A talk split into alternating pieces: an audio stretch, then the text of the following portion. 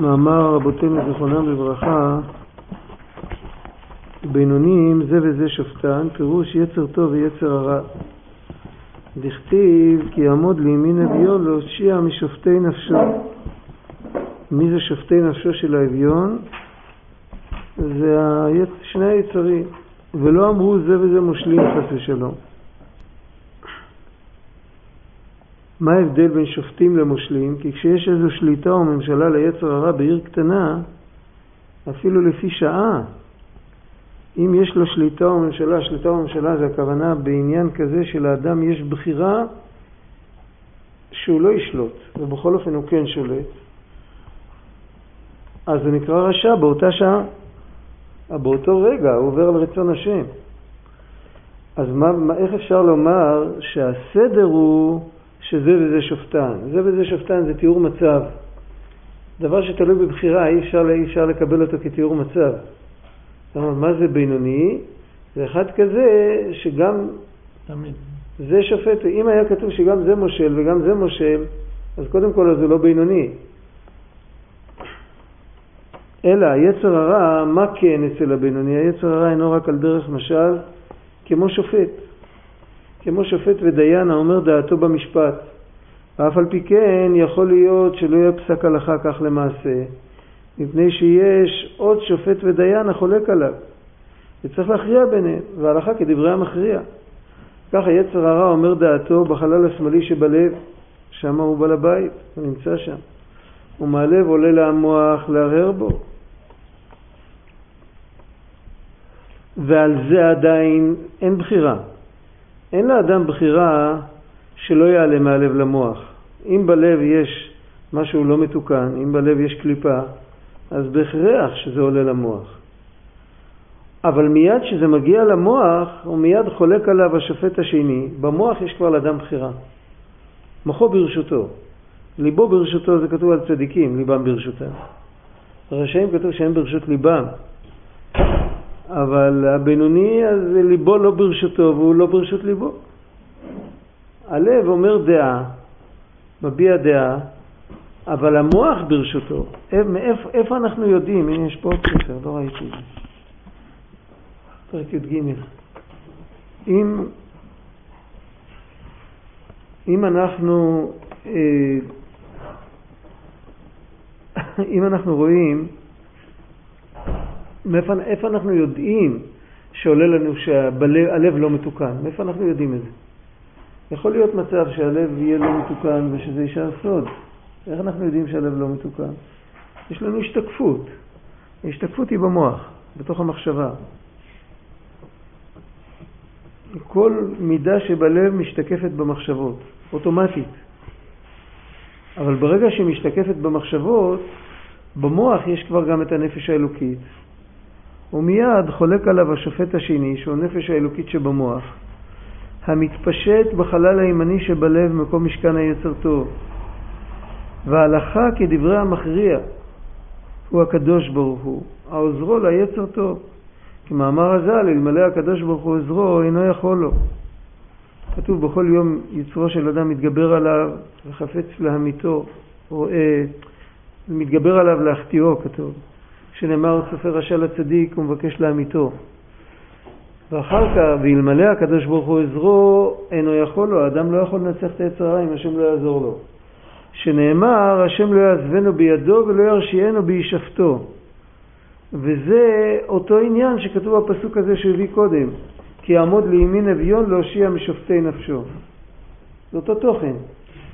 יש שני שופטים, ואם הקדוש ברוך הוא לא יתערב, אז יכול להיות שיתגבר השופט, השופט הרע, מה שנקרא.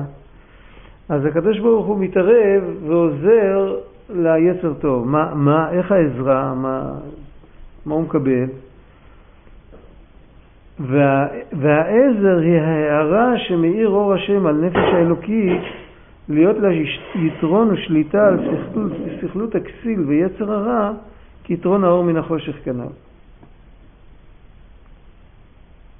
זה עניין גדול, דיברנו על זה כמה פעמים בעבר. בעצם היצר הרע בכלל היה צריך להתבטל. במקום שיש במקום שיש קדושה, הקליפה לא יכולה להתקיים. אין דבר כזה בכלל. כמו שחושך לא יכול להתקיים במקום שיש אור. אז במקום ש... או, או בוא נגיד אחרת, שקר לא יכול להתקיים במקום שיודעים את האמת. אם אתה בעצמך ראית, אז אי אפשר לשקר לך, לספר לך סיפורים, אתה ראית. אז איך, ה... איך באותו גוף, באותה תודעה, יכולים להתקיים גם נשמה אלוקית שהיא חלק אלוקה ממעל, וגם אה, נפש בעמית ש... שרוצה את כל התאוות. איך זה יכול להיות? זה פלא. ובאמת, הפלא הזה הוא, זה באמת פלא, זה הפלא של הבחירה. באמת הקדושה והקליפה לא יכולים להיות ביחד, והקליפה מתבטלת מפני הקדושה. בכל העולמות, בכל מקום, בכל סדר השתלשלות, איפה שהקדושה נמצאת, הקליפה לא יכולה להחזיק מעמד. בשביל זה המקום היחיד שקליפות יכולים לשרוד זה בעולם שלנו. העולם שלנו נקרא עולם הקליפות. מדוע? כך כתוב בעץ חיים. מדוע? כי בעולם שלנו זה עולם של בחירה חופשית. הוא מביא את זה פה, פרק ו', הוא. בסוף. לכן נקרא העולם הזה ומלואו עולם הקליפות וסטרא אחרא, ולכן כל מעשה העולם הזה קשים ורעים והרשעים גוברים בו. אז למה זה? בגלל שהעולם הזה הוא מקום הבחירה. אם הקליפות לא יתגברו פה ולא יוכלו להעלים על האור האלוקי, לא תהיה בחירה. אז לצורך הבחירה, הקדוש ברוך הוא כופף את הטבע של יתרון האור מן החושך. ועשה שלחושך כביכול יכול להיות כוח שווה כמו לאור. האור דוחף את החושך, החושך דוחף את האור, דוחפים. זה פלא. אבל למה זה? זה הרי רק לצורך הבחירה. כל זה עשוי כדי שיהודי יבחר בטוב. מה יהיה אם היהודי בוחר בטוב? אז מיצינו את העניין הזה. אז התכלית של, ה... התכלית של הכוח שניתן לחושך הגיע כבר לתפ... לתפקיד שלו, נכון?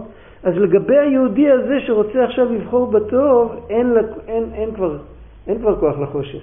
הרי הקדוש ברוך הוא לא עושה ניסים בחינם. למה שיעשה נס לחושך? זה שהחושך יכול להעלים על האור זה נס. אבל אם, וזה הכל לצורך הבחירה, נו בסדר, אז אני כבר בוחר בטוב. אם אני רוצה לבחור בטוב, אז חוזר העניין של יתרון האור מן החושך. אבל היות שעד הרגע אז היה יתרון לחושך, או על כל פנים כוחות שווים, אז לנו זה נראה כאילו שזה דבר חדש, זה שיש יתרון האור מן החושך. זאת אומרת, בתוך השכל... יתרון האור זה רק אחרי ש... שבוחרים? בגל... בעולם שלנו. בטבע, למשל, באור גשמי, באור גשמי וחושך גשמי, אז תמיד יש יתרון האור מן החושך.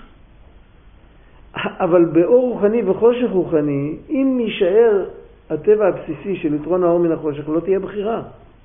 אז חייב להיות, חייבים לתת כוח לחושך כמו לאור.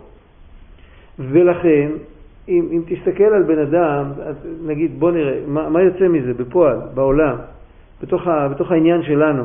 אתה רואה בן אדם שיש לו, יש בשולח, בשולחן ערוך בהלכות שבת, כתוב שבשבת אסור להישאר, גמרת את התפילה, לך לאכול. אסור לך להישאר, בשבת צריך להנהיג את השבת באוכל. מה יהיה אם יש לך תענוג מהתפילה, או... לא, גמרת את התפילה כבר. יש לך תענוג מלימוד תורה יותר מאשר מהאוכל, אז מותר לך. נו, תגיד לי, מסתובבים יהודים כאלה ברחוב, הרבה, שיש להם תענוג מהלימוד יותר מאשר מהאוכל. וזה כבר אחרי כמה שעות של תפילה. אז, אבל יש מציאות כזאת. המציאות הזאת נתפסת אצלנו כפלא. האמת שזה לא פלא. מצד הטבע של יתרון האור מן החושך, זה לא פלא בכלל. זה לא פלא, רק אחרי שהקדוש ברוך הוא לא נתן לנו את יתרון האור מן החושך בעבודת השם, בתוך המציאות שלנו. הוא לא נתן לנו את זה. אז ממילא, אז זה נראה לנו פלא. עכשיו, אם יהודי בוחר בטוב, אז לגביו חוזר העניין של יתרון האור מן החושך. זה העזרה שהשם נותן לו. ומה זה עוזר אם זה מגיע אחרי הבחירה? לא, הוא בוחר בטוב, אז עדיין הוא, הוא, הוא נלחם. ברגע שהוא מקבל את העזרה, אז הוא יכול לנצח את המלחמה. אבל אם הוא בחר זה הניצחון, לא? אם הוא בחר זה התחלת הניצחון. אתה יודע, זה שאתה... מה? הבחירה לפני המעשה. הבחירה היא לפני המעשה. מקום שרצונו של אדם, שם זה כמו שאתה זורק חבל עם וו כאילו. על, על מרפסת בקומה רביעית, וזה נתפס. שם עומד מישהו וזורק את זה חזרה, אבל הצלחת. הוא גם חטף מכה וזה גם נתפס. עכשיו אתה צריך לטפס. אז אתה מצד אחד ניצחת את המלחמה, מצד שני אתה עוד, אתה עוד צריך כוח בשביל לטפס. צריך להיות צלף בשביל להשחיל את זה, אבל צריך כוח בשביל לטפס, לא כל אחד יכול לטפס על חבל. הבחירה זה כאילו ההחלטה והעזרה זה... הבחירה, הנקודה של הבחירה זה החלטה, זה להוציא מהכוח אל הפועל. הרצון, ההחלטה הגמורה, הרצון המעשי, זה הנקודה של הבחירה. אבל אתה יודע מה, אתה החלטת להניח תפילין, בסוף בדקו את התפילין ומצאו שכבר שנה שלמה זה פסול. או שמה בר מצווה, חסר שם מילה. סיפר לי פעם סופר, הוא אמר לי, פה ליד השולחן הזה עמד אברך ובכה. בחיים הוא לא הניח תפילין. כן, מה הוא, מה הוא עשה? הוא הביא את התפילין שהשחירו לו אותם. אז הסופר היה יהודי זקן, יהודי מאוד uh, ירא שמיים, חסיד סאטמר, הוא צדיק כזה. אמר, אני לא משחיר תפילין, אני לא בודק אותם, מה אני אשחיר לך תפילין? בדק את התפילין, אתה חסרה מילה שלמה. וזה עבר הרבה בדיקות, אבל כולם שבדקו, בדקו שלא יהיה נגיעות, שלא יהיה זה. את המילה הם לא זיהו שהיא חסרה. אז הוא אומר לי, פה, הייתי אצלו באותו יום אחרי הצהריים. פה עמד יהודי אברך, כוילל, הוא אומר, יהודי צדיק, עמד ובכה על זה שלא הניח תפילין. עוד היה, נתתי לו את התפילין שלי להניח, הוא אומר, שלא יעבור לו יום בלי להניח תפילין.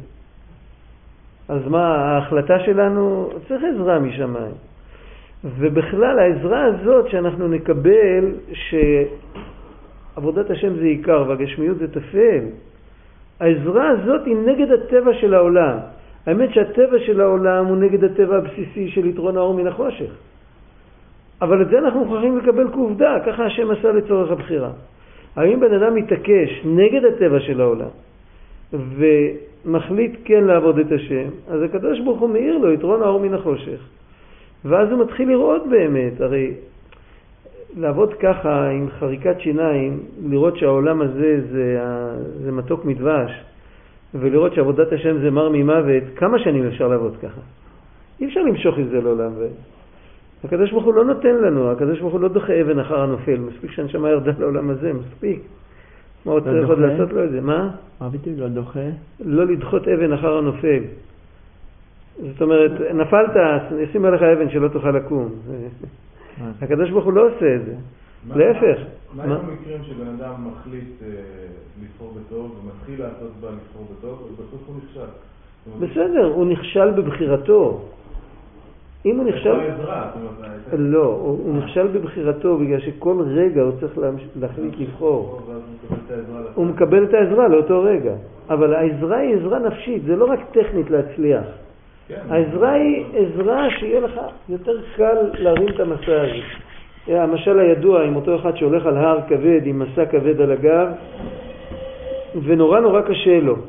אבל ברגע, של, וברגע שלוחשים לו שהמסע הכבד זה מלא יהלומים, ואם הוא יצליח לעלות לפסגה, הם יהיו שלו, אז ככל שזה יותר כבד, הוא מקבל יותר כוח לסחוב את זה. אבל זה לא כוח פיזי, זה השמחה. וזה הכלל תמיד שמחה פורץ גדר. ואם זה פורץ גדר, אז הוא מקבל כוחות של עולם יותר גדול. אבל זה הכל בתנאי שאת המאמץ הוא עושה. זה לא, טכנית זה לא יותר קל. הוא מטפס עם השק על הגב. לא, כי פיזית זה לא יותר קל. פיזית זה לא יותר קל, אבל נפשית זה יותר קל. אז אם נפשית זה יותר קל, נפשית זה יותר קל. לא כן, אבל זה לא ממש, הוא לא קיבל באותו רגע שרירים יותר חזקים. זאת אומרת, יכול להיות בן אדם, תראה, כשיהודי הוא בשמחה, הוא בשמחה על זה שהקדוש ברוך הוא מנסה אותו, אפילו, אפילו, הוא, הוא, הוא עומד בניסיון, הוא, הוא נכנס לתוך סיטואציה של ניסיון, והוא אומר, השם חושב עליי עכשיו. אני שווה משהו, הוא חשב עליי, הוא, הוא שולח לי ניסיון.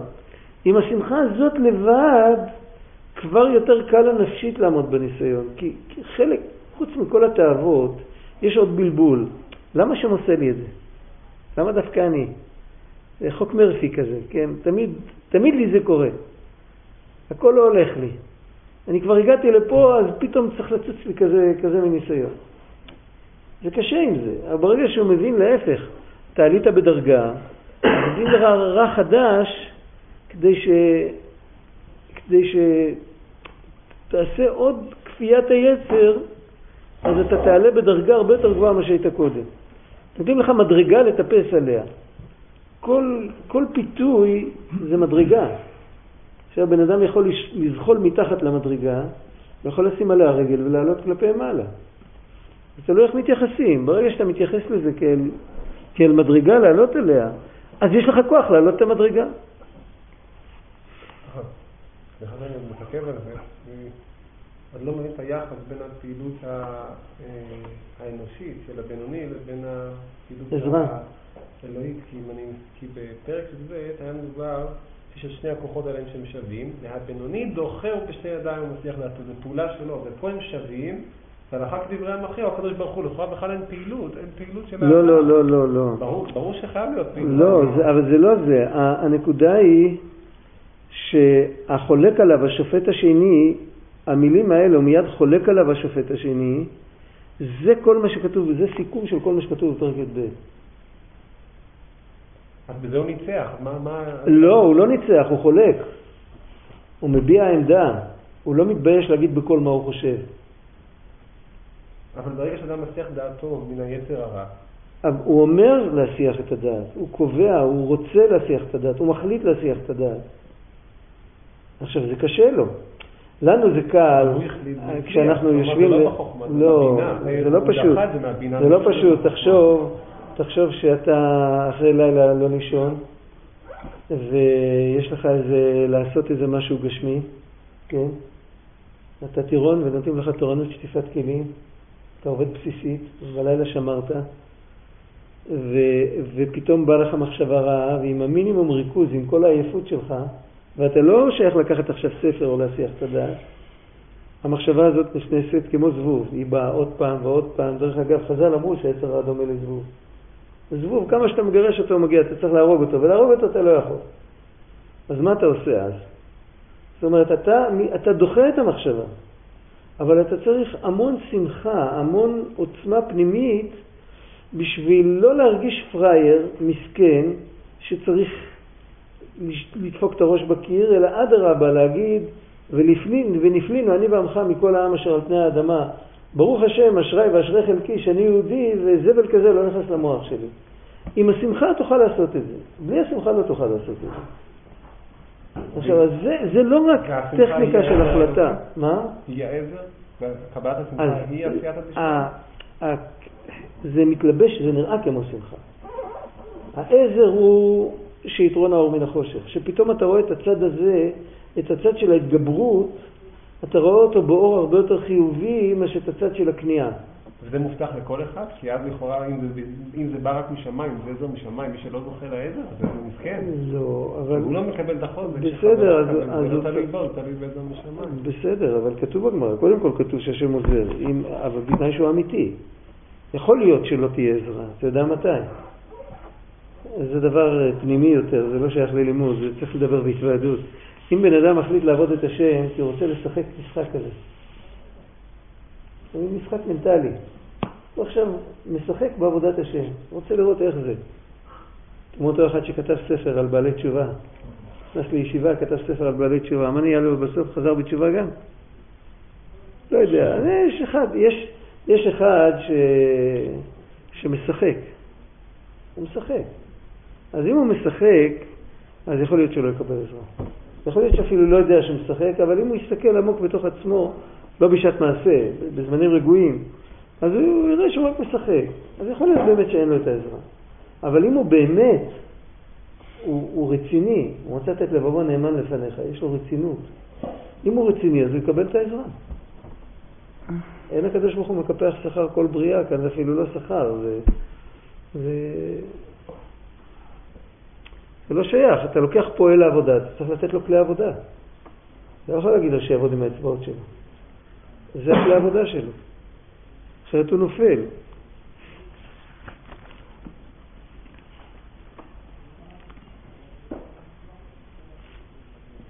כי אחרת באמת, כל העניין של התגברות, צריך להבין את זה. אנחנו מדברים על קבלת עול מלכות שמיים, נכון? זה ההתחלה של כל יהודי. קבלת עול מלכות שמיים. זה הדבר הראשון, בלי קבלת עול מלכות שמיים אפשר להיות יהודי. מה זה קבלת עול? איזה כוח זה בנפש, לקבל עול? הכנעה. איזה כוח?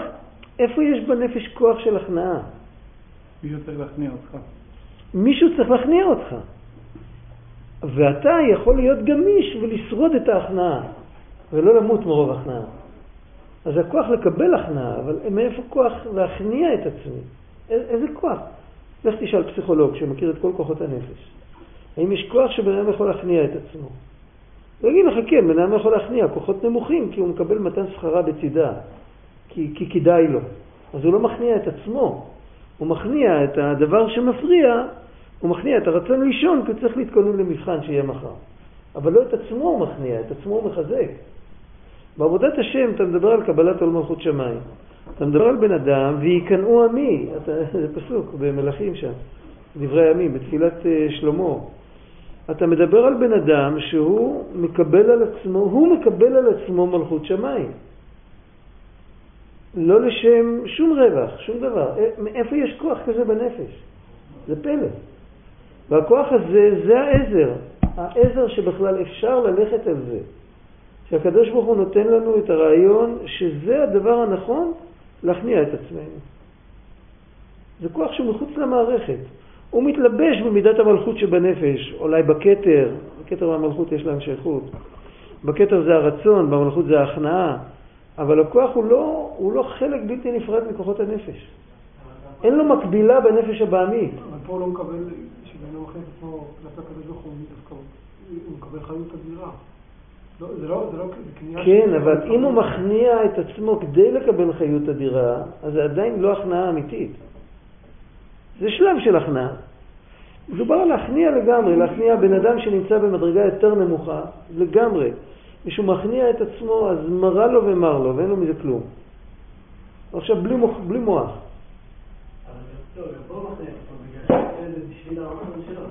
בשביל מה? הוא בחר, יש לו את הרצון, הוא בחר שהוא רוצה לעבוד את השם, אז הוא מכניע את עצמו, יש לו מזה טוב, שהוא רוצה את זה בשביל הכול. אבל למה הוא רוצה לעבוד את השם אם אין לו מזה כלום? אם זה החיים שלו. בסופו של דבר הוא משהו אחר אז זה לא הכנעה אמיתית. אז יש נקודה של בחירה שבו הוא בוחר לקבל עוד מלכות שמיים בלי כלום. וזה הערה מלמעלה. זה איזה נקודה שיהודי מקבל מצד הנשמה שלו. והאמת שכן, הוא בוחר בעצמו. אתה יודע למה? כי הנשמה היא חלק אלוקא ממעל.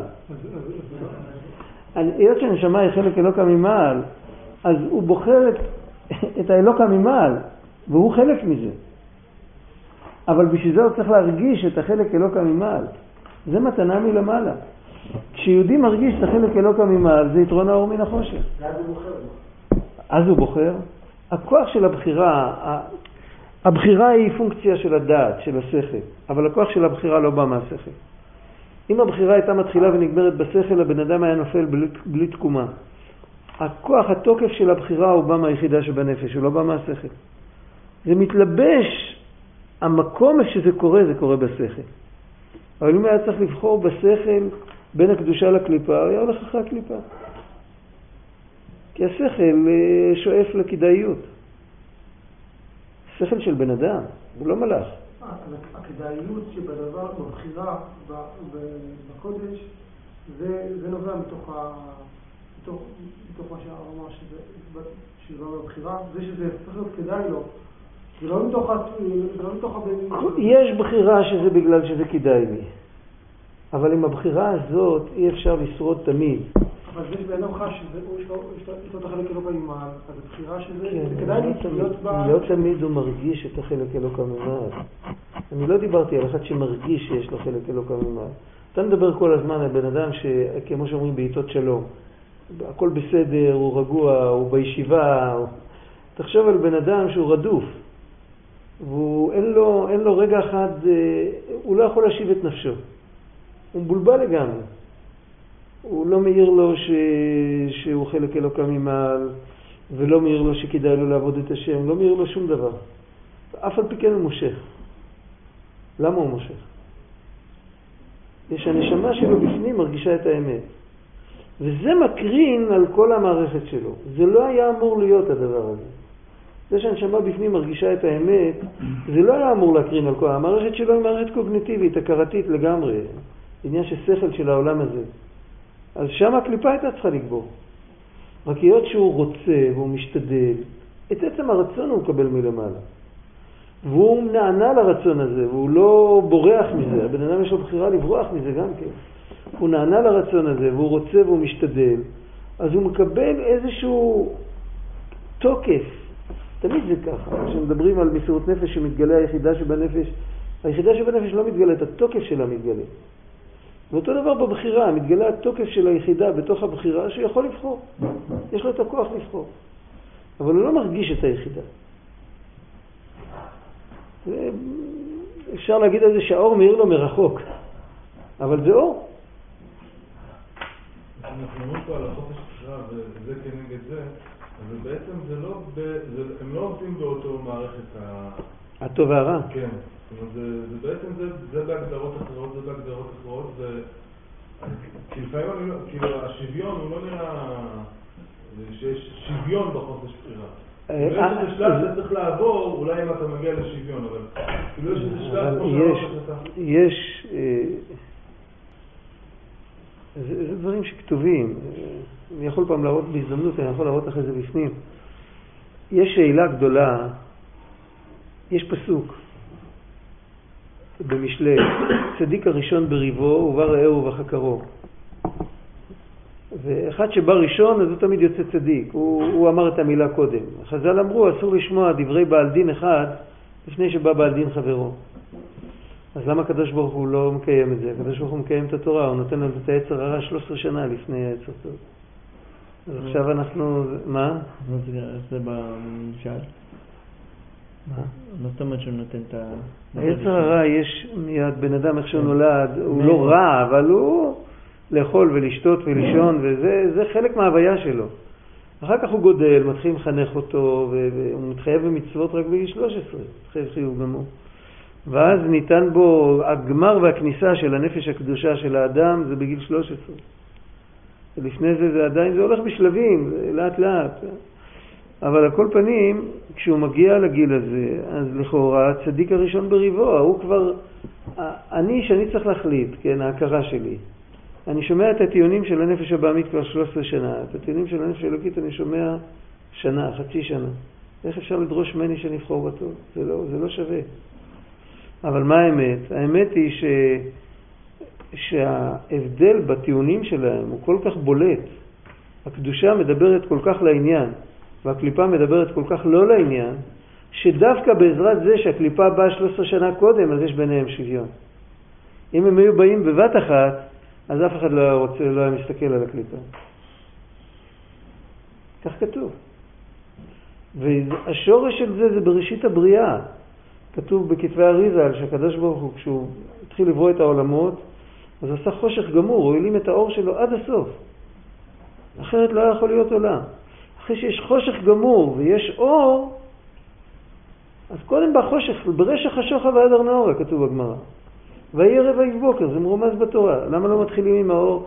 אם היו מתחילים עם האור, החושך לא היה יכול להופיע בכלל. אז, אז היינו עוד פעם, בלי בחירה היינו, בלי תחושת אני, היינו כולנו דבקים בהשם. יש חושך, אז אפשר לגלות את האור בצורה כזאת שבכל אופן החושך מחזיק מעמד, כי הוא ראשון, הוא קדם. ולכן גם בתוכנו זה כך. שה... מה? יכול להיות שזה ההיגיון של עורלה.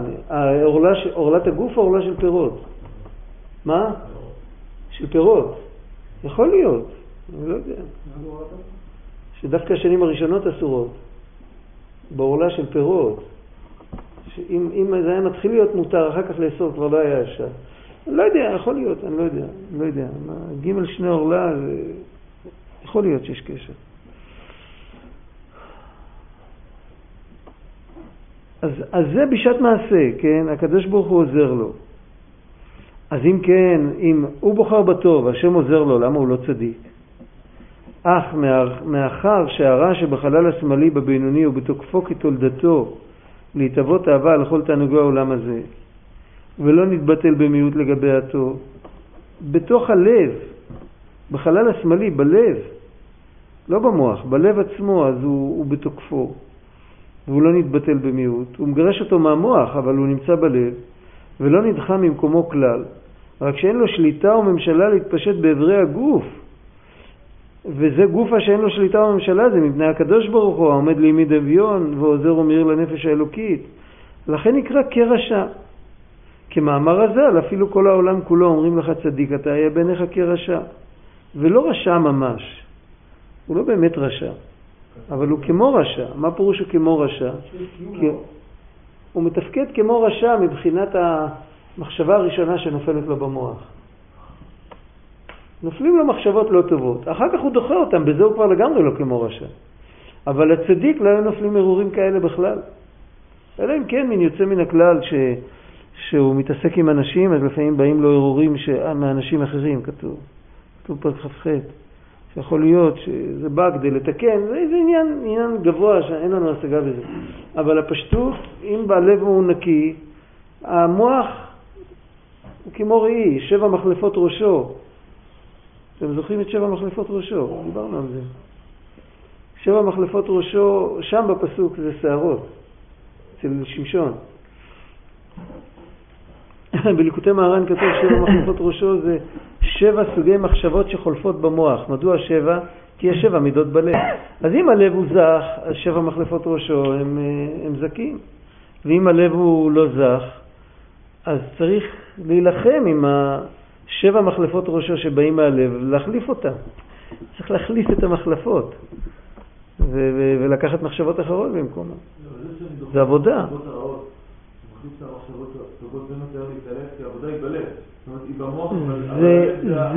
זה לאט לאט מלמד את הלב שהוא לא יכול לשלוט. כמו שאתה מחנך ילד שהוא צריך לקבל משמעת. אתה מגדיר אותו, אתה לא נותן לו ללכת. עכשיו, על ידי כך הוא ממלא את התפקיד שלו. יש כאן, זו שאלה יפה מה שאתה אומר. יש תפקיד ללב כל זמן שאדם הוא לא צדיק. יש לו תפקיד לשלוח מחשבות לא טובות למוח, לחלל השמאלי שבלב. יש לו תפקיד, וכשהאדם דוחה את המחשבות האלה, אז הלב מגיע לשלמות של התפקיד שלו. אם האדם מקבל את המחשבות האלה, אז הוא מקלקל את הלב. כי הלב, הלב שולח את המחשבות כדי שלא ישמעו בקולם. כמו שהיצר הרע נברא כדי שיתגברו עליו. זה בדיוק אותו דבר במילים אחרות. אז אם בן אדם מתגבר על היצר הרע, אז במידה מסוימת אפשר לומר שהוא הופך את היצר הרע לטוב. לא שהוא הופך אותו לטוב, אבל היצר הרע מגיע לתיקון מסוים. הוא נמצא, איך, איך להסביר את זה יותר טוב? זה מבלבל. אין הכי נעמי. אני זוכר שהיינו ילדים, אמרו לנו, אמרו, זה חינוך של פעם, זה מעניין. אמרו ככה, השם נתן לבן אדם פה בשביל לשתוק. אם לא היה לו פה, הוא היה יכול לשתוק? עכשיו, איך הוא ידבר? לדבר אפשר עם העיניים. לא צריך לדבר עם הפה. הפה נתנו בשביל לשתוק. ואוזניים נתנו בשביל לא לשמוע. כמובן, נתנו אוזניים בשביל לשמוע קריאת התורה, בשביל לשמוע דברי תורה, אבל נתנו גם אוזניים בשביל לא לשמוע. אם בן אדם לא היה לו אוזניים, איך הוא היה יכול לקיים את המצווה לא לשמוע דברים שלא צריך לשמוע? אין לו אוזניים, הוא לא יכול לשמוע. עכשיו הוא יכול לקיים, לא לשמוע מה שלא צריך. אז מבחינה כזאת שיש, זאת אומרת לאוזניים יש שתי מטרות. קיבלתי אוזניים בשביל לשמוע מה שצריך, ויש עוד מטרה באוזניים, קיבלתי את האוזניים בשביל לא לשמוע מה שלא צריך. עכשיו, בלב יש את החלל השמאלי שבלב, שכל העניין שלו זה לטרטר.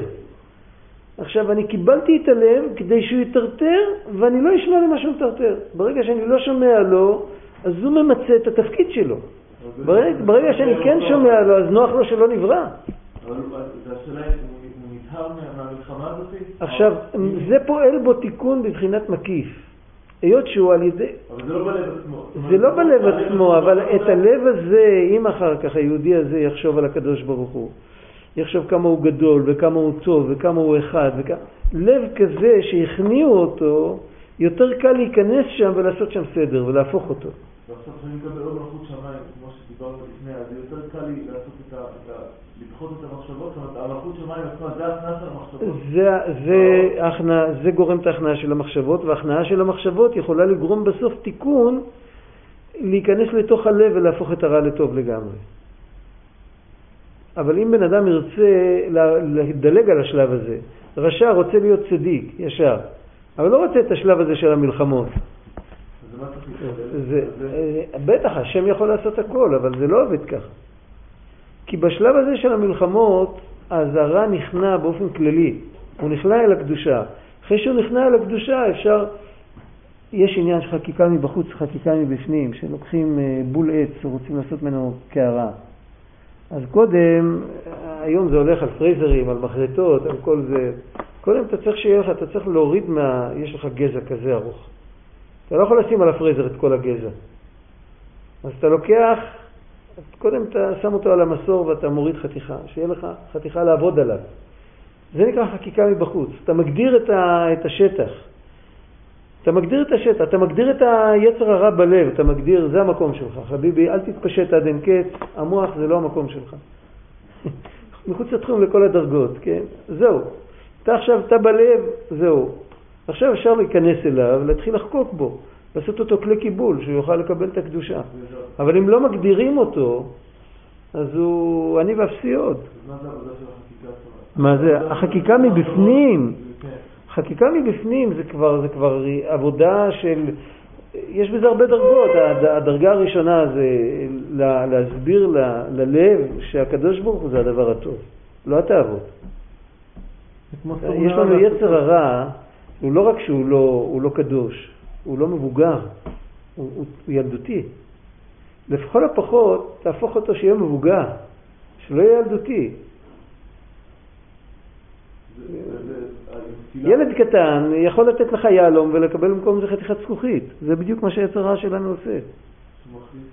הוא מחליף. הוא רוצה את הטובה שלי כביכול, אבל הוא כל הזמן, כל הזמן עובדים עליו.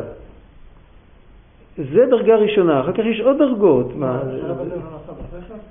מה? השלב נעשה בשכל עם הפנים אל הלב. זה, זה דיבור שהלב יכול להפנים אותו, כי סך הכל אני מדבר על טובת עצמי. אני לא מדבר על דברים מופשטים אובייקטיביים. אחר כך, אחרי שהלב מפנים את זה, אז הוא יכול ללכת הלאה ולהיות אידיאליסט. אני פעם שאלתי את החבר'ה, אה, מה? תגיד, אתה יודע למה אתה לא גונב? למה אתה לא גונב? מה אתה לא רוצה שיעשו לך?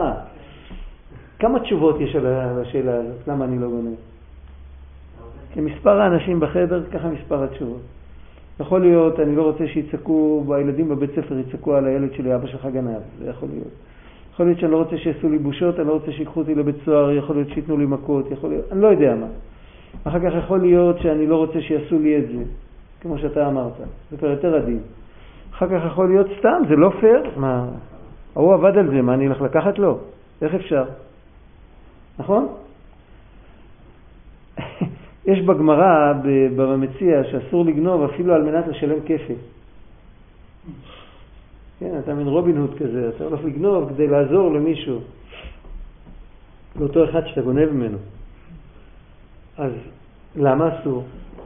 כי השם אמר לא תגנוב. זה הדרגה הכי גבוהה. עכשיו, אם בן אדם יודע למה הוא לא גונב, אז הוא גם יודע למה הוא לא מדבר לשון הרע, והוא יודע למה הוא לא מזיז מוקצה בשבת, ולמה הוא לא אוכל נבלות התרופות, הוא יודע כי זה מקביל, זה המצב שלו. אם הוא לא גונב כי הוא מפחד ממכות, אז, אז, הוא, אז, הוא, לא, אז הוא לא אוכל נבלות התרופות, כי הוא מפחד מגיהינום.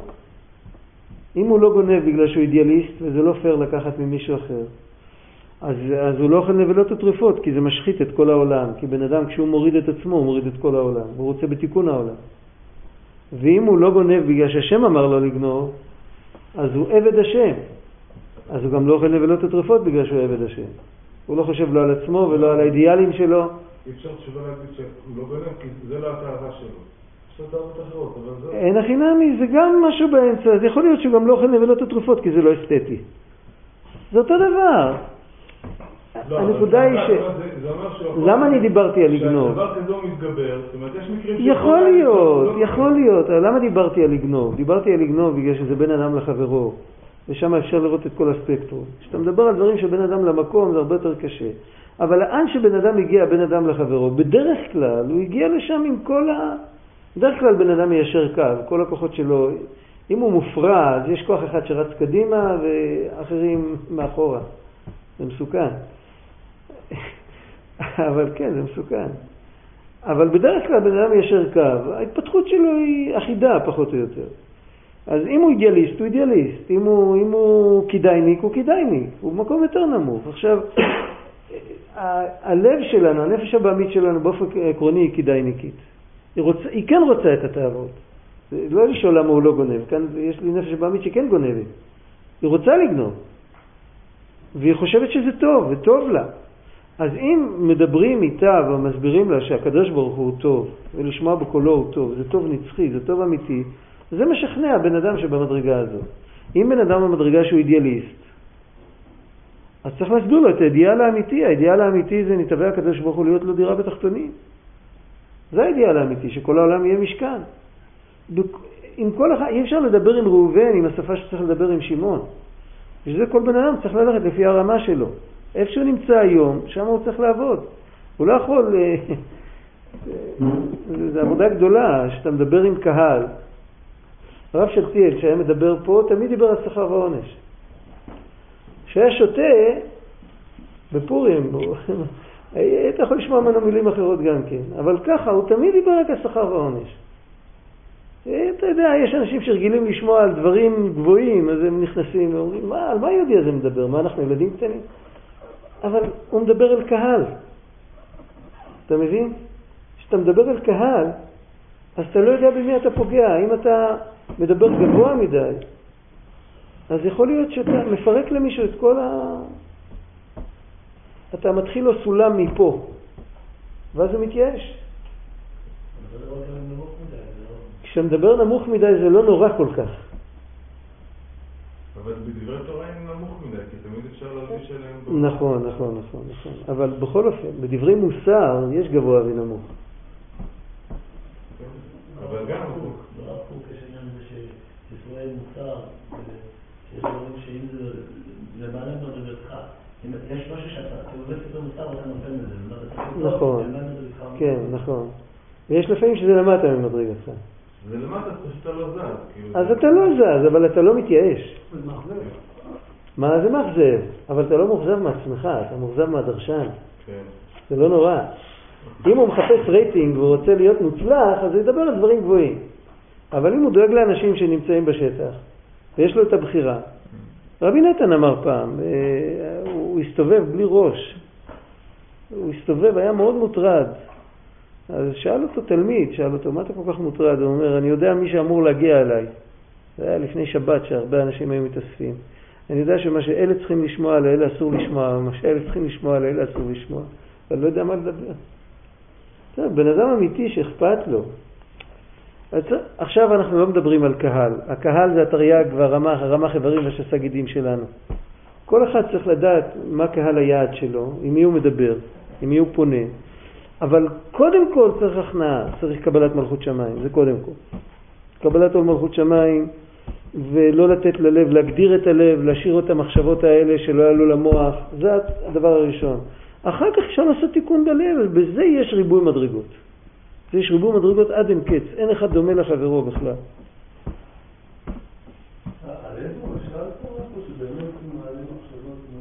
מה? הלב הוא רק משל פה, שבאמת יש מחשבות שהן באות מהלב, והלב בביולוגיה, הלב הוא משאבה של דם. כשהוא מגיב לרגשות הוא דופק יותר חזק. אבל בדברי חז"ל ובזוהר ובקבלה הלב הוא מקום משכן המידות. וככה זה, זה מי קבע שחושבים עם המוח בכלל, אפשר גם בזה לכפור.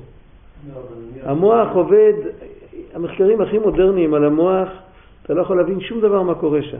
כן, אבל אם יחברו בן אדם למכונה עם לב מכני, הוא ימשיך לחשוב מחשבות. אה, כן, אין הכי נמי, אין הכי נמי.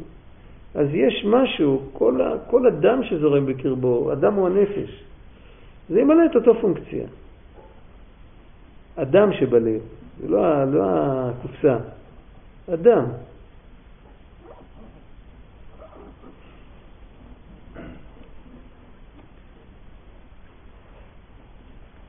ממילא, אפילו כל העולם כולו אומרים לך צדיק אתה, יהיה בעיניך כרשע, ולא רשע ממש, אלא שיחזיק עצמו לבינוני. ולא להאמין להעולם, בני העולם, שאומרים שהרע שבו נתגבל, נתבטא לגבי הטוב, שזו מדרגת צדיק, אלא יהיה בעיניו כאילו מהותו ועצמותו של הרע ובתוקפו ובגבורתו בחלל השמאלי כתולדתו, ולא חלף והלך ממנו מאומה, ואדרבה, נתחזק יותר בהמשך הזמן, שנשתמש בו הרבה באכילה ושתייה או שאר עניין העולם הזה. וממילא, סך הכל, אפילו אם יש לו control על עצמו לגמרי, אז הוא בינוני. ואף מי שבתורת השם חפצו, ויגע בה יומם ולילה, לשמה, הוא מתמיד גדול, הוא לא מפסיק ללמוד. זאת אומרת שאין מחשבות שמבלבלות אותו. אז לכאורה סימן שהוא עשה תיקון בלב. אין זה הוכחה כלל שנדחה הרע ממקומו, אלא יכול להיות שמהותו ועצמותו בתוקפו ובגבורתו במקומו בחלל השמאלי, רק שלבושיו שמחשבה, דיבור ומעשה של נפש הבעמית אינם מתלבשים במוח והפה והידיים ושאר אברי הגוף, מפני השם שנתן שליטה וממשלה למוח על הלב. זהו, אז הוא מממש את השליטה שיש למוח על הלב, והוא לא מפסיק, זאת אומרת, מתמיד אמיתי זה לא מתמיד בפה, מתמיד אמיתי זה מתמיד בראש. הוא, הוא, לא, הוא דוחה את המחשבה כשהיא באה. ממילא הוא יכול להתמיד באמת. אם הוא דוחה את המחשבה, אז יש לו כוח להתמיד.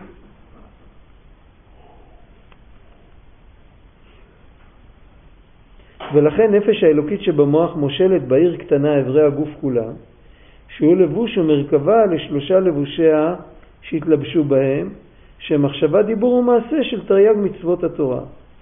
אז, אז מה, איך, איך היא מושלת? היא משליטה את הלבושים של הקדושה על הלבושים של הקליפה. אבל יש כאן שתי טריטוריות. הנפש האלוקית, העיקר שלה במוח וההתפשטות שלה בלב. יש עוד עניין שהיחידה שבנפש היא בלב, אבל זה, זה נעלם, על זה לא מדובר עכשיו. העיקר שלה במוח, ההתפשטות שלה בלב, בחלל הימני. זה הנפש האלוקית. הנפש הבעמית, העיקר שלה בלב, וההתפשטות שלה מנסה להיכנס למוח ולא מצליחה.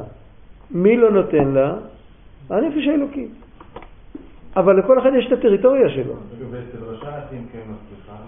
כי הנפש האלוקית היא, היא בתרדמת, היא לא, לא עושה את העבודה שלה. זאת אומרת, האדם, יש כאן את האדם, יש כאן גורם שלישי, חוץ משתי הנפשות, שזה נקרא השכל של הנפש הבאה, השכל של קליפת נוגה.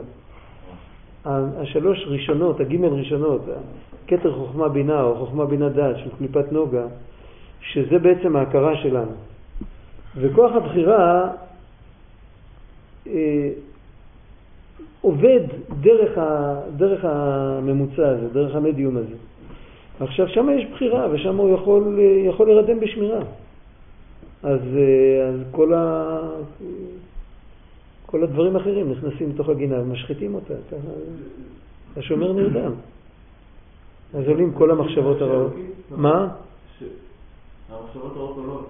עולות מהמידות של הנפש הבעמית. אז זה מחליש את הנפש האלוקית, זאת אומרת, את ההערה שלה למוח. לא הבנתי, מה אמרת? לא שמעתי יותר נכון. המחשבות הרעות עולות כן. מהלב ולמוח. כן. זה מחליש את הנפש זה האלוקית. לא, קודם כל, קודם כל, זה לא, זה לא חייב להחליש. קודם כל זה מעורר אותה, זה יוצר לה ריאקציה. זה כמו שמישהו מרגיז אותך ואתה נותן לו פליק.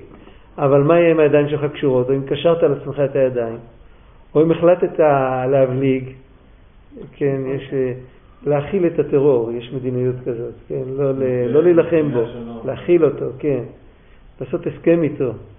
אז אתה עושה איתו הסכמי שלום, אז, אה, אז, אתה, אז, הוא, אז הוא גובר עליך, עושה לך פיגועים, ממש כך. אבל לא הנפש הטבעית כתוב בספרים.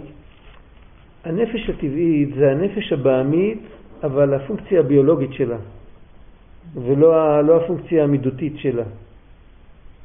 יש, הנפש הבעמית, התפקיד שלה זה להיות ממוצע בין הנפש האלוקית לאיברי הגוף, אז יש לה את התפקיד שהיא היא הדרך של הקדושה להאיר אל תוך הגוף.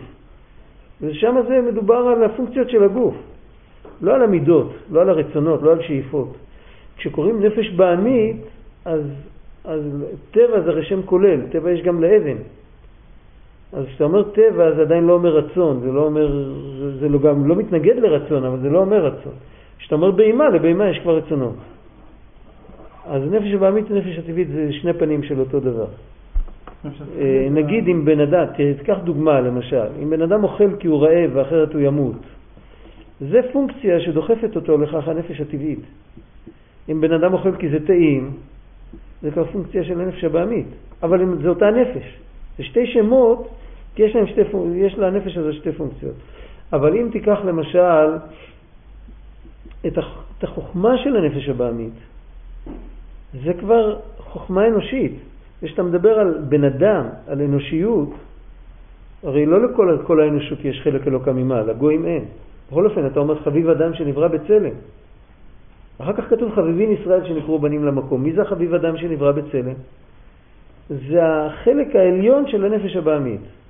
החלק האנושי של הנפש הבעמית. גם כן בצלם אלוקים? לא כתוב שם צלם אלוקים, אבל הוא, הכל, הכל הוא בצלם אלוקים. להבדיל, גם בקליפה יש עשר ספירות. אבל הוא נברא בצלם מבחינה זאת שהוא יכול להשליט את הרצון האלוקי על, על המערכת הנמוכה. זה המקום של הבחירה, אחרת איך למדנו בפרק י'? תסתכלו את המילים הראשונות של פרק י'. מי זה האדם בפרק י'? המילה השנייה של הפרק זה האדם. כתוב שם כך, כשהאדם מגביר נפשו האלוקית ונלחם כל כך עם הבעמית. אז מי זה האדם? לא כתוב שהאלוקית נלחמת עם הבעמית, כתוב שהאדם מגביר את הנפש האלוקית על הנפש הבעמית. מי זה האדם? אז זה לא, זה הנפש השכלי. זאת אומרת, זה, זה החב"ד של קליפת נוגה. זה למעשה היא... כמעט עוד נפש. אבל בעצם אצלה הכל קורה בעצם, היא העיקר. היא, זה ההכרה שלנו. זה שדה ההתרחשות. היא לא הקובעת הסופית, אבל זה שדה ההתרחשות, זה המקום. זה מה שבן אדם אומר אני, אם הוא לא בעל תאווה שהוא שוכב מתחת, ל... מתחת למדרגה שדיברנו עליה קודם, אם הוא לא בעל תאווה גמור, כשהוא אומר אני אז הוא מתכוון לזה. מה? לא, עכשיו ככה, אם הוא, יש לו רצון, הרצון הזה, הוא יכול, אותו, אותו, אותו חב"ד של קליפת נוגה, יש בה את הבחירה, הוא יכול לשקף את הבחירה של הנשמה ואז הוא מקבל כוחות עצומים. הוא יכול לשקף אה, מין בחירה הגיונית פשוטה כזאת, ואז אה, זה קם וזה נופל. כן, בשביל זה כל כך חשוב קבלת עול מלכות שמיים. קבלת עול מלכות שמיים מחברת את האדם ליהודי למעלה מהשכל. אז הוא מקבל את הכוחות של עצמו שהם למעלה מהשכל. ואצל הצדיק אין את ה... את ההתמודדות הזאת הוא כבר עבר, הוא, הוא עלה כיתה. אז האני אצלו זה, קודם כל האני אצלו זה הנשמה, לגמרי. גם אצלנו האני הפנימי זה הנשמה. אצלו האני זה הנשמה, וכל ה, כל ה, כל היתר זה כלים שלו, שהוא שולט בהם. ולא יכול, אין, אין לו מלחמה כבר, הוא שליט. אה, אה, שליט אבסולוטי. לא רק שליט, הוא גם שליט, הוא גם שליט, הוא גם מלך שהאזרחים שלו אוהבים אותו.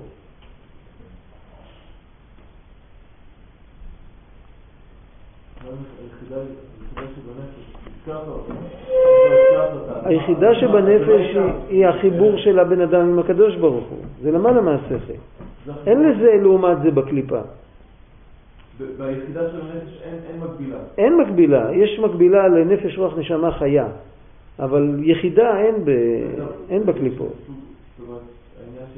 מה? מגלים אותה, זאת אומרת בלב ביום יום, בשוטף.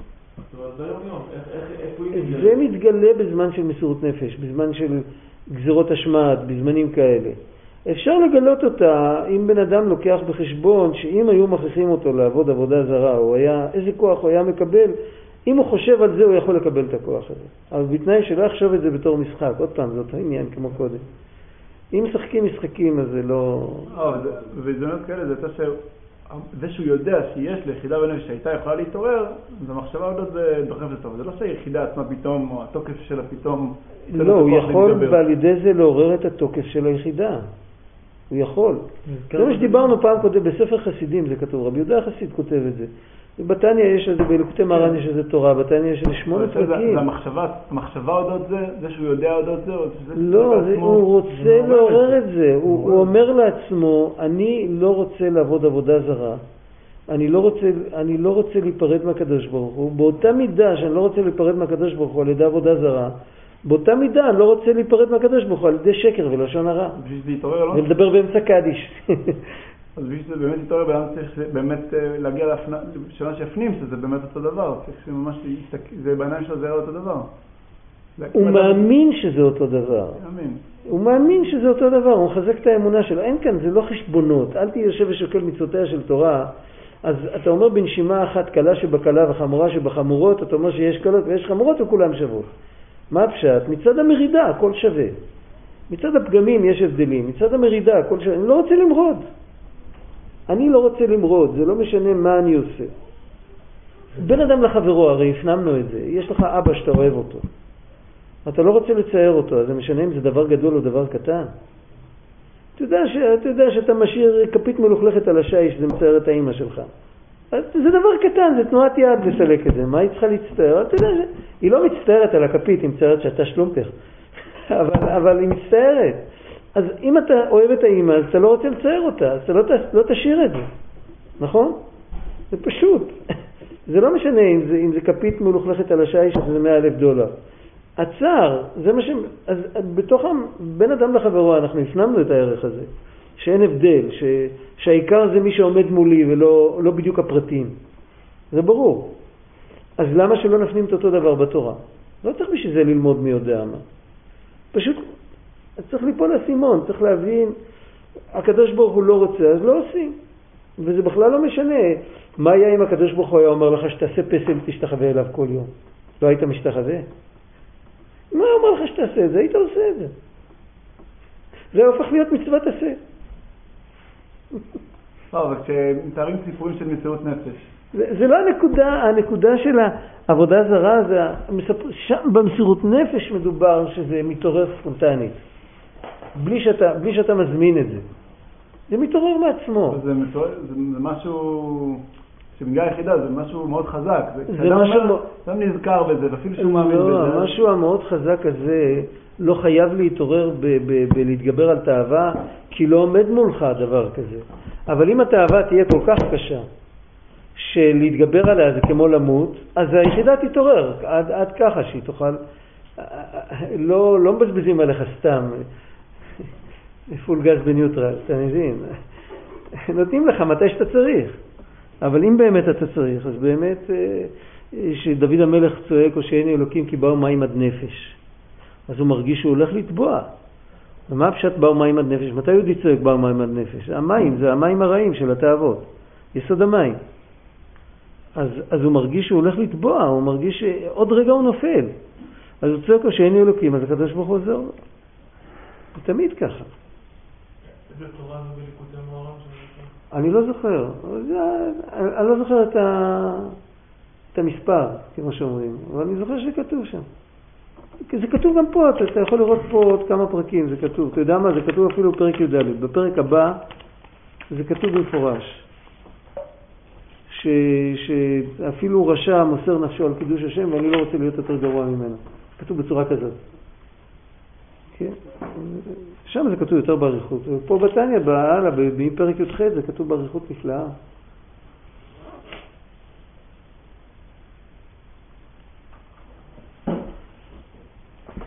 אבל בכל אופן, יש, יש כן תקווה לבינוני הזה. באמת, יש לנפש האלוקית את הטריטוריה שלה, לנפש הבאמית את הטריטוריה שלה. אין, אין מלך נוגע, אין מלכות נוגעת בחברתה. אף על פי כן, יש בכל אופן יוצא מן הכלל. כי אם בשעה שאהבת השם הוא בהתגלות ליבו בעיתים מזומנים, כמו בשעת התפילה וכיוצא בה. ואז יכול להיות שהנפש הבעמית עצמה מתכופפת לגבי הנפש האלוקית. נשאיר את זה פה, זה ארוך, ישבנו הרבה זמן כאן.